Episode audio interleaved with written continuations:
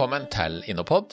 Mitt navn er Sjur Dagestad, og i denne podkasten her så skal vi ta for oss vann. Er det sånn at vann er et dumt produkt, og hva hvis vi sammenligner vann med strøm? Er ikke strøm også et dumt produkt? Eh, ikke minst et viktig produkt, det er også vann. Men hvordan kan det ha seg at vann er bare vann og ikke noe mer, men strøm er så mye og, eh, og er produktivisert på alle bauger og kanter, og det bare fortsetter i galopperende eh, fart. Og med oss for å kikke nærmere på dette, så har vi fått med Tor Moen, som er leder for Smart City hos Smart Innovation Norway. Velkommen til oss, Tor. Ja, tusen takk. Er det sånn at vann er bare et dumt produkt? Her er det mye vi kan eh, gjøre. Det trengs eh, ny innsikt, det trengs innovasjoner, og det trengs digitalisering og det trengs bærekraftsforståelse inn. Jeg eh, tror det er like mye vi kan få gjort med vann som vi har gjort med strøm. Ja, for vi vet jo at når vi skal få inn strøm, så ønsker du kanskje grønn strøm, men det er jo bare en miks det du får inn. Men allikevel så har de klart å få skilt opp dette her, sånn at du kan kjøpe grønn strøm sjøl om du ikke klarer å spore elektroner. Mens på mm. vann er det ikke gjort noen ting. Nei, det som er litt, eh, det som er litt annerledes eh, siden dereguleringen av energibransjen i 1991, hvor vi la kraftsalg ut som, som litt sånn halvkommersiell eh, virksomhet, mens nettselskapene fortsatt var offentlig styrt, var at vi burde jo ha gjort det samme på vann. Dette var i 1991. Vi burde kanskje ha gjort det i hvert fall noen år, år etter, etter vi hadde gjort oss noen erfaringer. For uh, i den samtalen du skal ha i dag, så vil jeg nok være uh, være rett å belyse at her er det mer likheter enn det er ulikheter mellom vann og strøm. Ja. Det er veldig mye misforståelser også. Jeg møter mange ordførere og møter mange kommunedirektører eh, som tenker at vann har vi nok av i landet. Men er, er det også en sånn eh, type proteksjonisme hvor altså hvis vi går sånn 30-40 år tilbake i tid, så ville nettselskapene sitte på gjerdet og tenke nettet er vårt, strømmen er vår, du er vår kunde, vi skal ikke ha noe innblanding fra andre her. Eh, og Er det sånn på vannsida at kommunene sitter og tenker det er vårt vann, her kommer ingen inn. Ja, jeg uh, har, har, ikke tenkt å overanalysere hvorfor det er sånn, men at det er knytta til en eller annen form for organisasjonskultur. og Da må vi gå inn i dybden på organisasjonsteori. Hvem er til for hvem? I energibransjen før dereguleringen i 91 så var nok det en nettselskapskultur at du og jeg vi var ikke noe kunder, vi var målepunkter. Og det er det til dels også i en del energiselskaper i dag, at man anser at vi er målepunkter. Dette fordi at det er monopol. Og da er det liksom ikke hvorfor skal man jobbe med kundeorientering og, og, og tenke dette optimalisert. Slik er det også på vann. Forskjellen på vann og energi er at det er faktisk kommunene selv, altså kommunestyret, bystyret, som vedtar sine egne vannforskrifter, mens vi på, på strøm har jo NVS Eh, NVE som lager forskriftene som gjelder for alle nettselskaper og eh, for de som driver i kraftsalg. Så det er en litt vesensforskjell her også. Men det er kulturelt. Jeg tror også at det trengs en ordentlig stor endringsbølge for å få opp en ny forståelse for hva disse kjempeviktige samfunnsressursene er, og hvordan vi benytter de i dag. Ja, for det, eh, Du sa en gang at at eh, på vann så er det ett produkt som, som, ligger der omtrent sånn som det har ligget siden steinalderen omtrent. Nå, nå, nå, overdriver jeg litt her.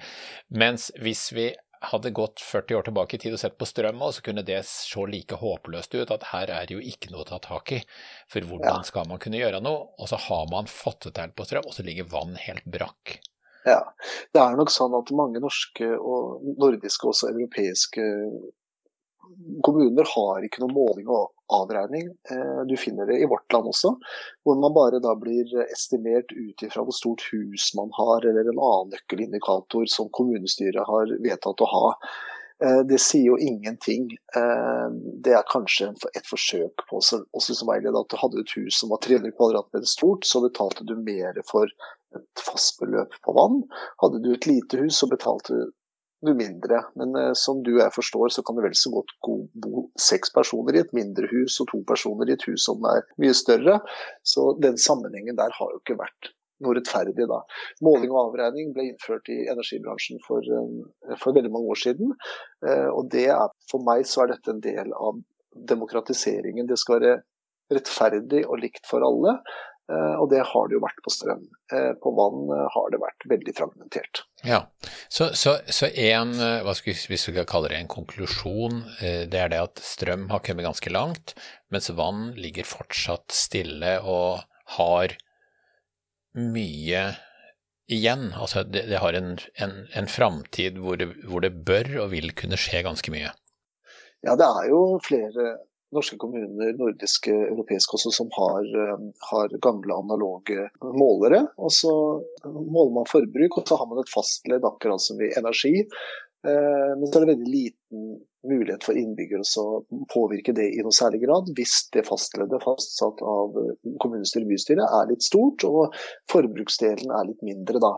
Eh, den verden jeg ønsker meg, ligner mer på energibransjen, eh, hvor fastleddet er mindre, og hvor forbruksdelen er da størst. Så hvor mye vann du benytter per måned, kvartal, eh, og også, også, på årsbasis avgjør hvor mye du skal betale inn i offentlige, offentlige avgifter. Og Det mest interessante er at vannbransjen, som er veldig fragmentert, har en veldig lett vei å gå ved at de forsøker å gjøre det som energibransjen har gjort. Da. Ja, altså de kan lære av det. Men du, ja. du har også, du har også eh, tidligere nevnt at eh, vi skyller ned i do med drikkevann, vi vasker bilen vår med drikkevann eh, osv. Eh, ja. Kan du si noen ord om det?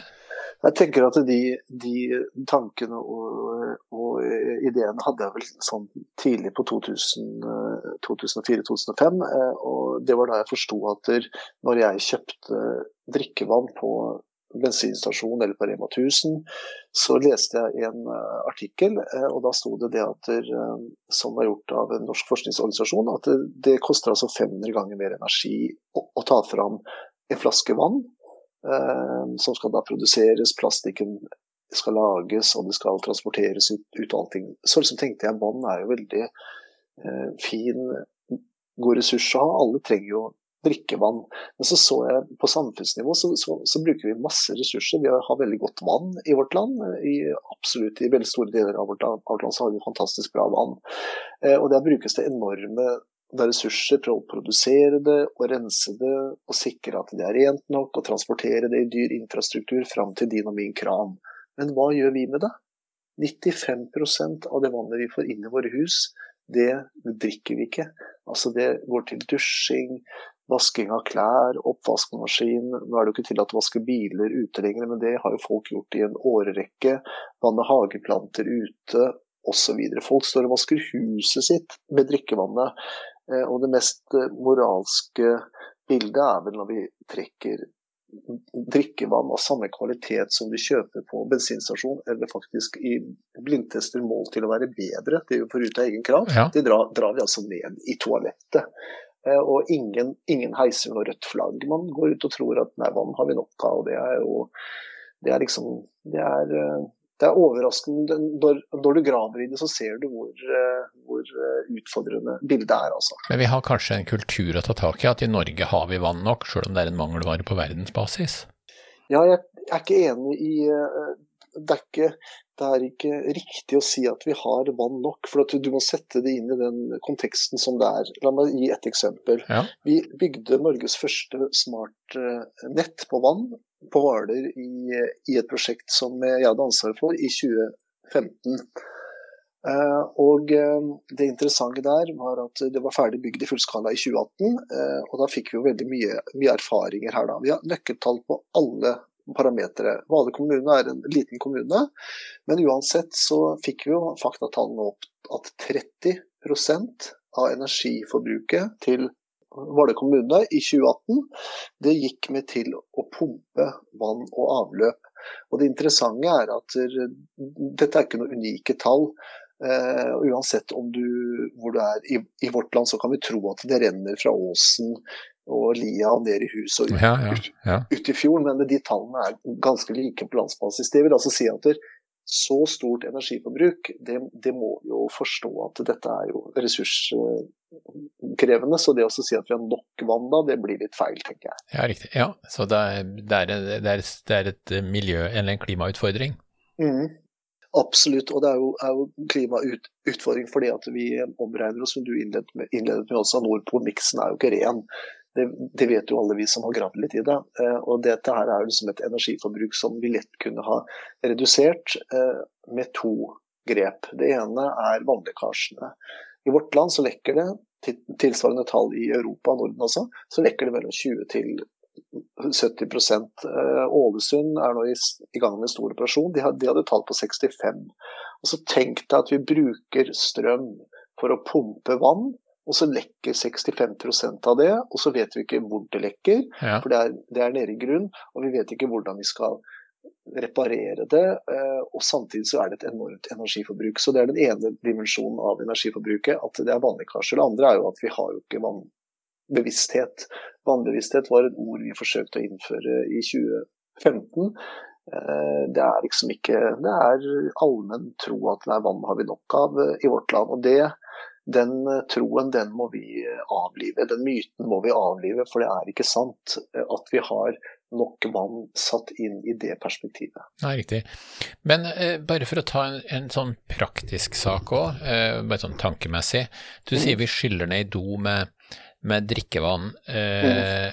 Men eh, det, finnes det eksempler på at man har forskjellige vannkvaliteter inn i huset? At du kjøper drikkevann som du får ut gjennom den og den krana, mens eh, til vanning i hagen og skylle i do og sånn, så får du en annen kvalitet? Ja, eh, det er Samsø er vel et veldig godt eksempel på det, for de av dere som har lyst til å Eh, gå litt dypere i det, så, så, så, er det altså et, etablert et energiakademi ute på Samsø. Det er en dansk øykommune, ca. 3700 innbyggere.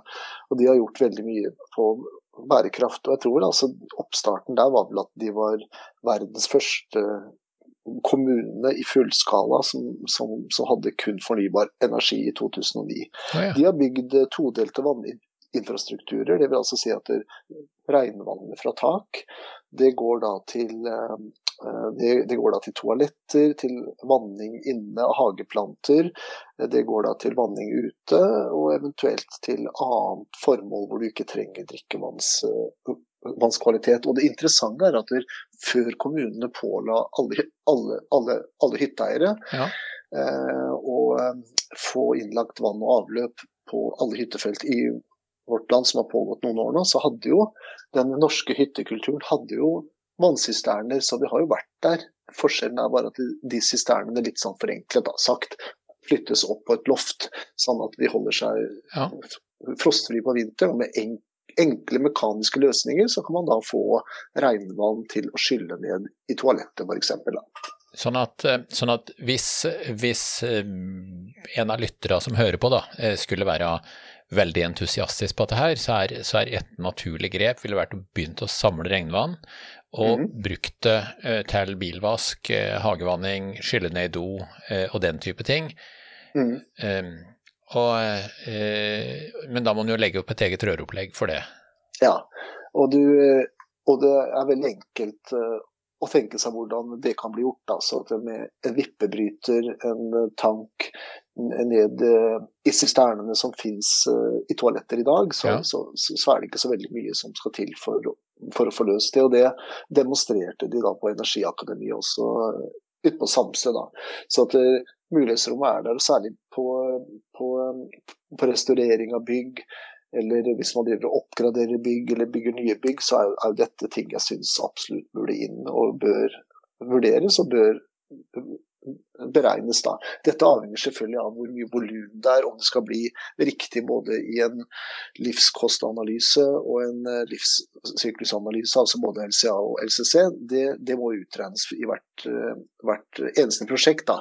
Men i grunnprinsippet så er det jo, er det jo liksom helt meningsløst å dra ned drikkevann i do, da. Ja, ja helt, eh, helt opplagt. Det er klart, hvis du, hvis du begynner å samle regnvann sjøl og, og, fyller det ned, så vil det bli mer inn på avløpssida i kommunen, da? Ja, men det gjør det jo uansett. Altså, fordi at uh, I Hvaler kommune, som, et, uh, som et, et, eksempel igjen, som jeg kjenner til eh, godt til, er at regnvannet der går i overvannsrør og pumpes tilbake til Fredrikstad igjen. Da. Så at regnvann blir av og til i mange kommuner pumpet uansett. Så det, noe, det blir ikke noe ekstra merkostnad i den delen, altså. Eh, men eh, her må, her må vi gjøre, gjøre, som sagt en, en både LCA og LCC i, i, i, hvert eneste case. Da. Men utgangspunktet er at vi først må forstå at her er det et sløseri på alle områder, altså, egentlig. Ja, og, mm. og vi har et betydelig oppgjør å ta med våre tanker og holdninger. Jeg tenker det også, fordi at det, når klima- og miljøinteressen kommer hos oss som enkeltpersoner, så begynner det ofte med én ting. Da. At vi kilder, kildesorterer kanskje plast og papp, det er liksom nivået igjen. Og så lengre ned vi går i kunnskapen her, så ser vi jo det at dette er ganske sammensatt, og det er utrolig mye vi kan få gjort selv som enkeltpersoner. Da. Ja. Eh, jeg gjorde et, et superenkelt felteksperiment som det heter i TV-reklamen. Eh, og så beregnet hvis fire familiemedlemmer pusser tennene fem minutter morgen og kveld, og lar vannet renne da i en kran samtidig, og ikke slå dem av mens man pusser tennene, så havner vi på sånn 10-12% av vannforbruket i et normalt hjem. da. Eh, så det er bare ett lite eksempel på hva vannbevissthet kan få gjort, altså på forbrukssiden. Og hvorfor er, jeg, hvorfor er jeg opptatt av altså forbruk? Først og fremst så må vi digitalisere. Det er liksom punkt én. da. Og hvorfor må vi digitalisere? Jo, fordi vi må finne vannlekkasjene. Man finner ikke de da, hvis ikke det pipler opp i en plen eller i en grøft. Liksom, så kan man begynne å anta at her er det noe. Ellers så lekker det veldig mye under jorden, og vannet går ned. Så vi ser ikke hvor de vannlekkasjene er. Digitalisering med hvert eneste punkt vil gjøre veldig lett at man ser hvor vannlekkasjen er, ved vanlige trianguleringer eller andre bra algoritmer som gjør at vi ser det. Det er, det er punkt én. Ja. Ellers er det altså vannforbruket som vi må til livs. Eh, hvordan vi tenker på det. Eh, så, så, da har vi liksom noen grep vi kan få begynt med med en gang. Og hvorfor skal dette vannforbruket ned? Jo, all infrastruktur, akkurat som køing i et energinett som kalles last, køing på en motorvei som skyldes at alle skal på jobb, jobb, jobb samtidig, eller, eh, eller, andre infrastrukturer også, så er det jo ganske likt at den eh, mengden som går i en infrastruktur, hvis vi reduserer den, så går eh, investeringskostnadene ned. For det er ikke sikkert at vi trenger å bygge eh, eh, mer kapasitet, ja. altså tykkere rør, hvis vannforbruket er lavt. Det andre er at vedlikeholdskostnader og driftskostnader i rør som har lite trykk, eh, går også ned. Da. Så at her er det, eh, det, er, det, det er så mye vinn-vinn ved å kunne jobbe med den den tematikken her, så at dette her er modent for en stor Eh, endring i samfunnet, tenker jeg. Så, så vann er altså parallelt eh, Altså vi kan bruke andre metaforer eller, eller andre fagfelt som, som, paralleller. Altså du nevner veitrafikk, vei, du nevner strøm. Mm. Er det andre områder som eh, ja, forskningsavdelingen vår, vi er jo en norsk forsknings- og innovasjonsorganisasjon. Og Vi har forsket siden tidlig 2000 på det som kalles lastproblematikk i energinett. Det vil altså si når alle bruker noe strøm samtidig, ja. og det er kaldt ute, så er det sånn at da får vi utfordringer. Så Grunnen til at debatten var om å bygge monstermaster for noen år siden over Hardangervidda og andre nasjonalparker og fjell, debatten der er jo knytta til fordi at det er flere som bruker strøm samtidig. Tenk oss julaften når ja, alle skal lage ja. mat, og det er kaldt ute nyttårsaften hvis det er kaldt ute, alle skal lage mat samtidig, badstuen settes på, boblebad settes på, så er det det som driver milliardinvesteringer i tung infrastruktur. Eh, Jf. monstermast-diskusjonen. Dette er helt parallelt med vann. Eh, og jeg skal argumentere for det veldig enkelt, og det er parallelt også med eh, køing på veier. Og det er parallelt også med fjernvarme, det er parallelt med gassinfrastruktur, og det er parallelt også med internettlinjer og fiber. Poenget er på strøm og vann og biltrafikk, så er det sånn at morgenforbruket det er en slags kamelkuppel som går opp. Og så er vi på jobben, så kommer vi hjem, og så får vi en kuppel nummer to, som er da kamelens to. da. De eh, kamelkuplene er identiske på strøm, vann og køing i bilen. Ja. Eh, eller i biltrafikk. Og det interessante er at hvorfor forsker vi ikke mer på det? Eh, vi forsker på det på energisiden hos oss, men hvorfor forsker vi ikke på det, det på samfunnsnivå? For at alle de tre eksemplene mine her, for å gjøre det litt enkelt, de driver tunge investeringer i det energinett, investeringer i vanninfrastrukturer, eh, og de driver investeringer i veier. Så hvis du flater ut det forbruket på de tre her, som, som tre eksempler, så har vi altså muligheter for innsparinger eh, i makroøkonomisk nivå som er ganske heavy, tenker jeg. Ja. Jeg, jeg opplever også at eh, mange er miljøbevisste når det kommer til strømforbruk, men den samme interessen og iveren, den ser du sjelden på, på vannsida. Ja, og det, det er der, der, vi er, liksom at vi og Det er jo ikke noe kritikk til oss, vi kan jo det vi kan. Eh, vi har alle begynt, eh, som jeg sa i stad, med å sortere kanskje papp og plast. og Så lærer vi oss mer, så, så, så sorterer vi kanskje matavfall, metall, glass, og så utvides det. Vi må i sammen nå få i gang en bølge, tenker jeg. At det, dette er like relevant på vann. Og for å få til det, så må vi spre innsikt, kunnskaper. Vi må påvirke politikken, vi må sette ny agenda og få folk til å forstå at dette er en global eh, klimautfordring som alle andre uh, utilities og uh, tunge infrastrukturer som finnes i samfunnet vårt. Så jeg tror at folk forstår hvis vi hjelper de å forstå ved å formidle ny innsikt på hva dette er for noe, hvilke muligheter som finnes. Da. Ja. Tor, eh, veldig interessant at du delte eh, tanker med oss. Og jeg må jo innrømme, jeg har jo hørt deg i aksjon, så det er jo, det er jo der jeg har hørt og sett det. Mm. Eh, og, men hjertelig tusen takk for at du kunne stille i studio og dele dine tanker om vann og paralleller mot andre systemer med oss. Mm, bare hyggelig, Sjur. Absolutt. Og eh, og til deg som lytter, så må vi også si hjertelig tusen takk for at du eh, hørte på oss, og velkommen tilbake på en senere podkast. Mitt navn er Sjur Dagestad, og lydmannen er Petter Strøm.